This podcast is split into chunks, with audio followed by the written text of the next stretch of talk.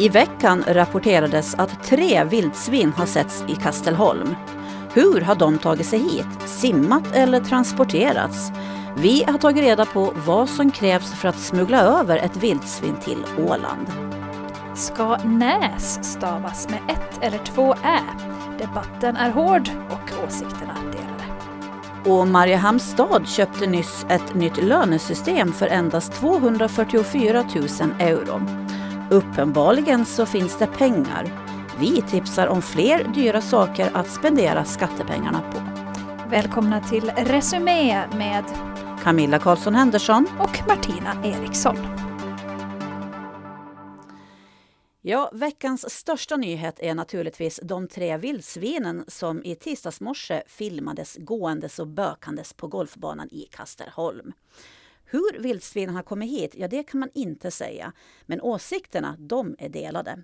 Landskapets jaktförvaltare Robin Juslin säger så här. Ja, det kan man ju spekulera i, men det, det vet vi inte i det här skedet inte. Utan, men vi vet så mycket i alla fall att vi, vi har tre vildsvin här nu. Det finns misstankar om att de har tagits hit medvetet då. Det behöver vi inte spekulera i, men är det, är det möjligt för vildsvin att simma hit?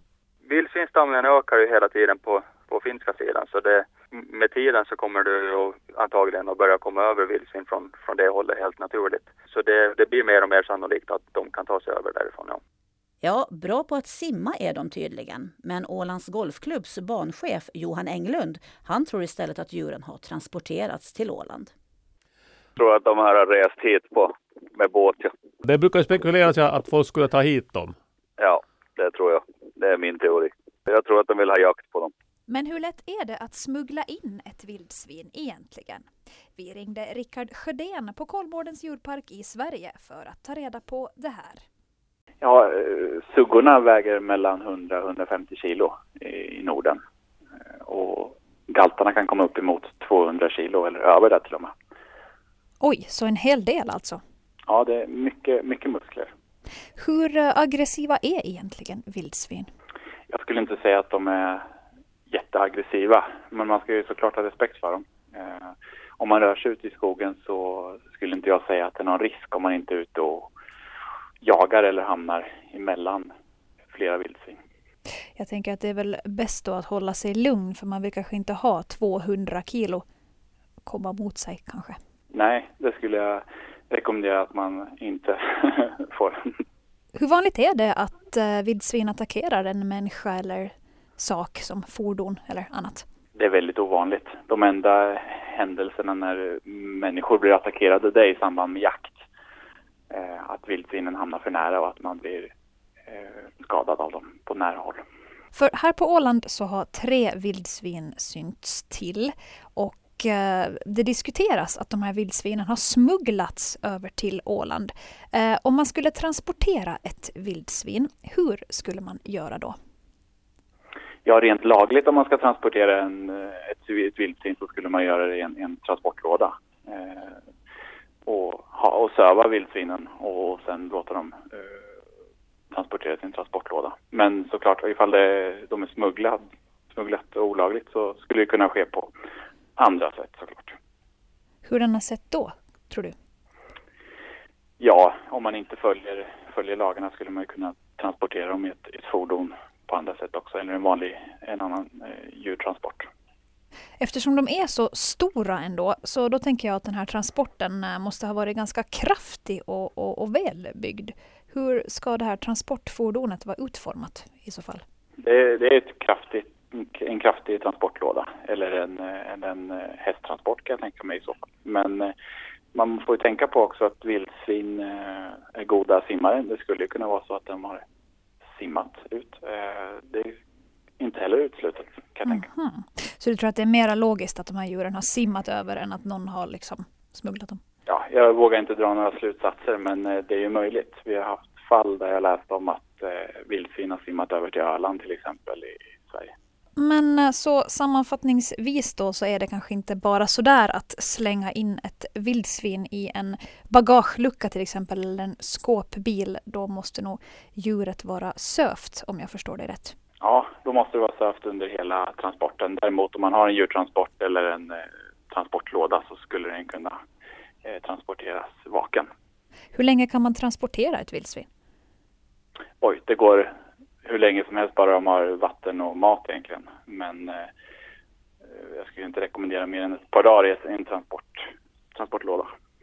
Okej, för vildsvinen mycket ljud för sig? Ja, de har många ljud för sig, speciellt sociala ljud när de, eh, när de pratar med varandra. Så det kanske inte är så lätt att, att dölja heller då, eh, sådär om man skulle transportera ett djur så, så kanske man kunde höra att det var ett vildsvin på G. Ja, absolut. De har ett väldigt distinkt läte. Mm, intressant där med Rickard Sjödén, vildsvinsexpert på Kolmårdens djurpark. Troligt alltså att de tre vildsvinen som numera bor i Sund har simmat hit. Men till exempel smuggling i en hästtransport är inte utesluten. Dock borde vildsvinen ha hörts då, om de inte var sövda. Och vi håller oss kvar vid vildsvinen. För Nygårds skogsgrisar som driver verksamhet med uppfödning av utegående grisar, ja, för deras verksamhet så blir det här troligen dödsstöten. Ja, för att från och med den 1 januari nästa år så blir det förbjudet i Finland att hålla gris utomhus. Just för att vildsvin är bärare av afrikansk svinpest. Nygårds skogsgrisar har hoppats på någon form av undantagstillstånd för att kunna fortsätta bedriva verksamheten. Men nu ser det mörkt ut, säger Andreas Nordlund. Man blir ju upprörd egentligen över hela situationen. Ena fredagen står man och pratar om att det inga, finns vildsvin på Åland och mitt i allt så är det grisar här. Så. Hur påverkar det här er i dagsläget? Det här är ju nog till att stänga dörren egentligen för hela vår verksamhet som det ser ut just nu i alla fall. Om det inte ska ske ett mirakel här inom närmsta dagen att det faktiskt vi får ett beviljat undantagstillstånd. Men vad är då egentligen afrikansk svinpest? Veterinär Annette Pfeiffer förklarar. Det är ju alltså som namnet säger en sjukdom som smittar till grisar och det är en väldigt allvarlig sjukdom. Så oftast dör de grisarna inom fem till tio dagar. Så de får alltså hög feber och äter inte och dräktiga suggor de brukar kasta då. Och eh, de blir också okoordinerat, till slut så kan de inte gå alls längre. Problem med andningen och kan även ha problem från mag och tarmkanalen och blir alltså riktigt sjuka. Mm. Och så brukar de dö. Det, mm. det händer ibland att de har en, en mer kronisk form men, men oftast inte. Så det är ingen sjukdom som grisen eh, överlever? Sällan. Det är alltså hög dödlighet. Det är klart att vissa överlever. Men eh, det är väldigt förödande om en besättning säga, drabbas av det. Då. Det går inte att behandla särskilt bra heller eftersom det orsakas av virus. Finns det något sätt man kan förhindra det på? Ja, alltså det enda sättet, det finns alltså ingen någon, eh, någon vaccin eller något sånt. Eh, man får inte heller vaccinera om det nu skulle finnas. Utan det enda sättet att, att förhindra det är att man ser till att man inte får smittan i landet så att säga. Och hur smittas det? Det smittas på alla möjliga sätt. Antingen naturligtvis om de har direkt kontakt med något djur som är smittat men även via personer och, och ja, bilar, transportbilar, så där någon sjuk gris har transporterats och så transporteras det en annan. Men det är också ju det som vi är mest rädda för här så att säga är mm. ju att det smittas via matrester eller mat överhuvudtaget. Hur kan det smittas via maten? No, alltså den där viruset den, är alltså, den håller sig väldigt bra i, i kyld mat, framförallt då i kött. Men, men eh, även alltså sådana produkter som man tycker att dödar annars de flesta virus och bakterier som när man saltar eller rökar så det överlever de i ändå. Och, och därför är det ju förbjudet att, att man liksom får in framför allt då köttprodukter från, från de länderna där afrikansk svinpest förekommer.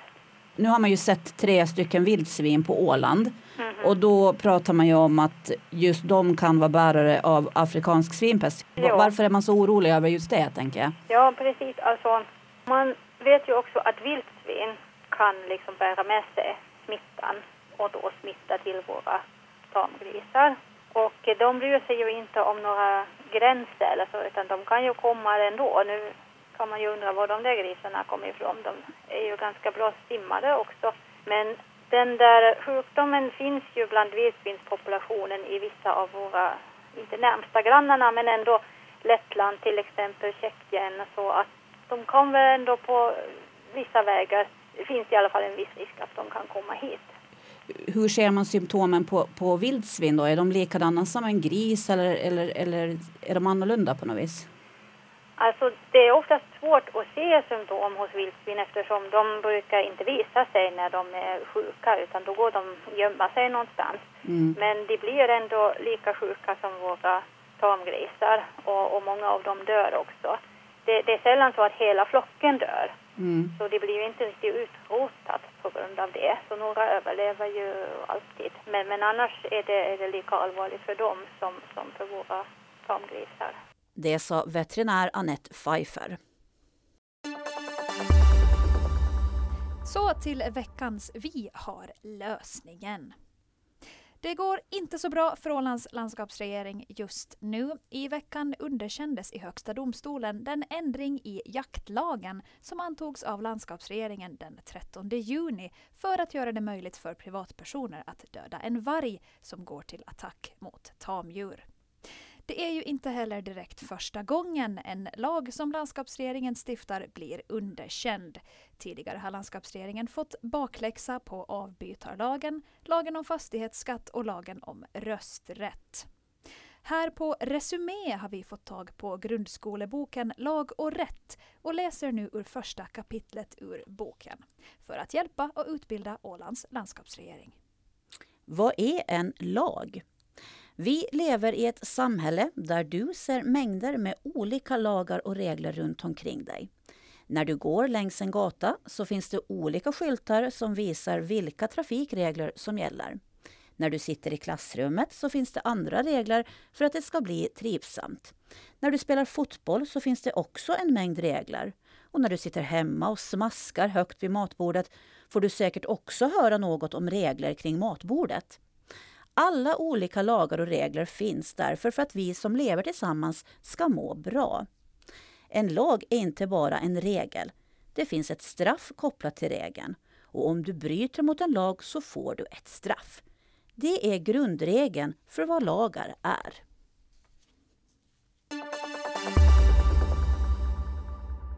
Veckans inte helt oväntade går vi till nu.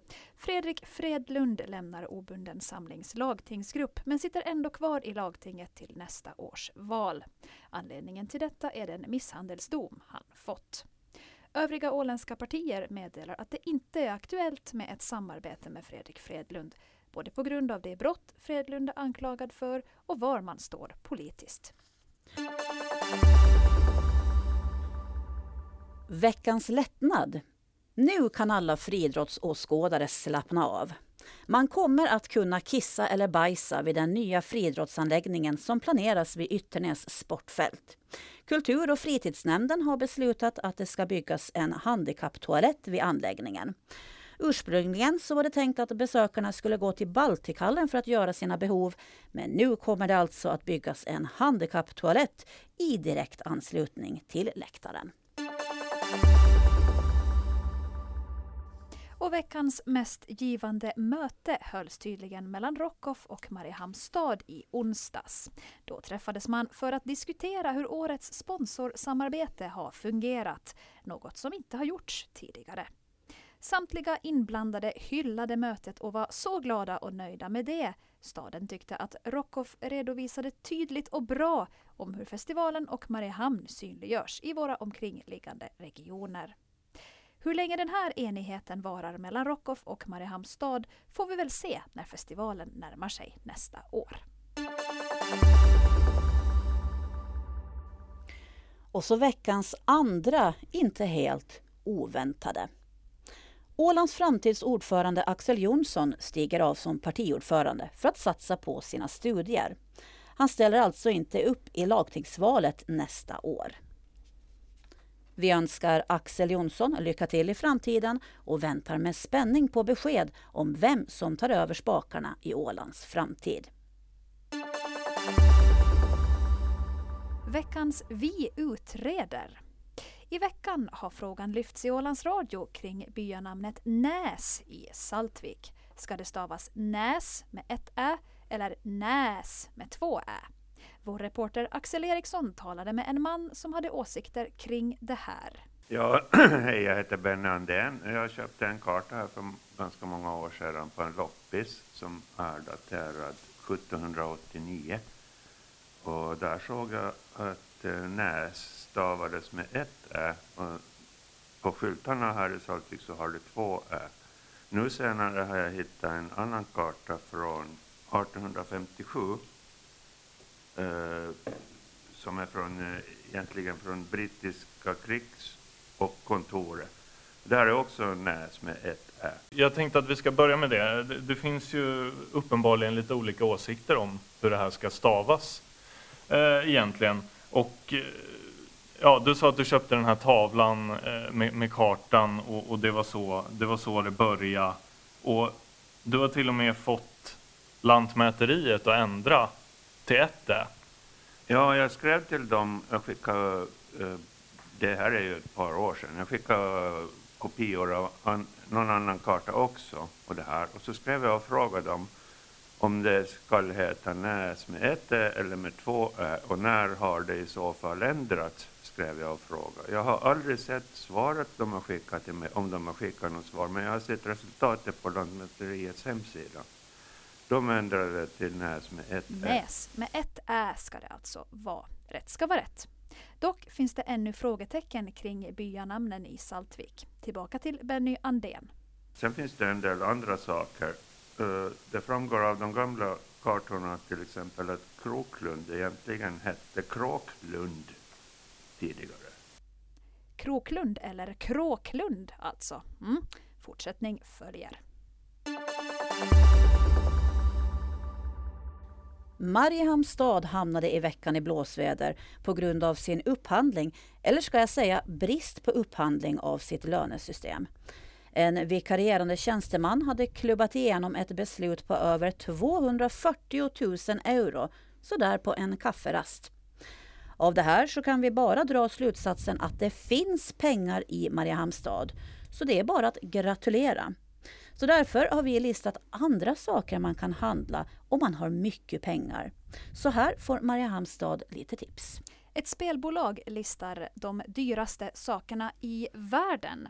Som konst till Stadshuset så kan vi tipsa om tavlan When will you marry av den franska konstnären Paul Gauguin från 1892. Den kostar endast 300 miljoner dollar. Då det ska upphandlas eller icke upphandlas tjänstebilar så tipsar vi om bilen Lamborghini Veneo Roadster. Denna italienska muskelbil kostar 4,5 miljoner dollar styck. För catering till Mariehamnstads julfester så tipsar vi om restaurangen Sublimotion som är den dyraste restaurangen i världen. Ett restaurangbesök där går på ungefär 2000 dollar per person. Och när något så enkelt som pennor ska skaffas in till Stadskansliet så tipsar vi om pennorna Fulgor Nocturnus av en berömd penntillverkare i Florens. De pennorna går loss på 8 miljoner dollar styck. Och med det så är veckans resumé slut för den här gången. Vill ni höra av er till programmet så går det bra att mejla resumé alansradio.ax. Camilla Karlsson Henderson och Martina Eriksson tackar för sig till nästa vecka.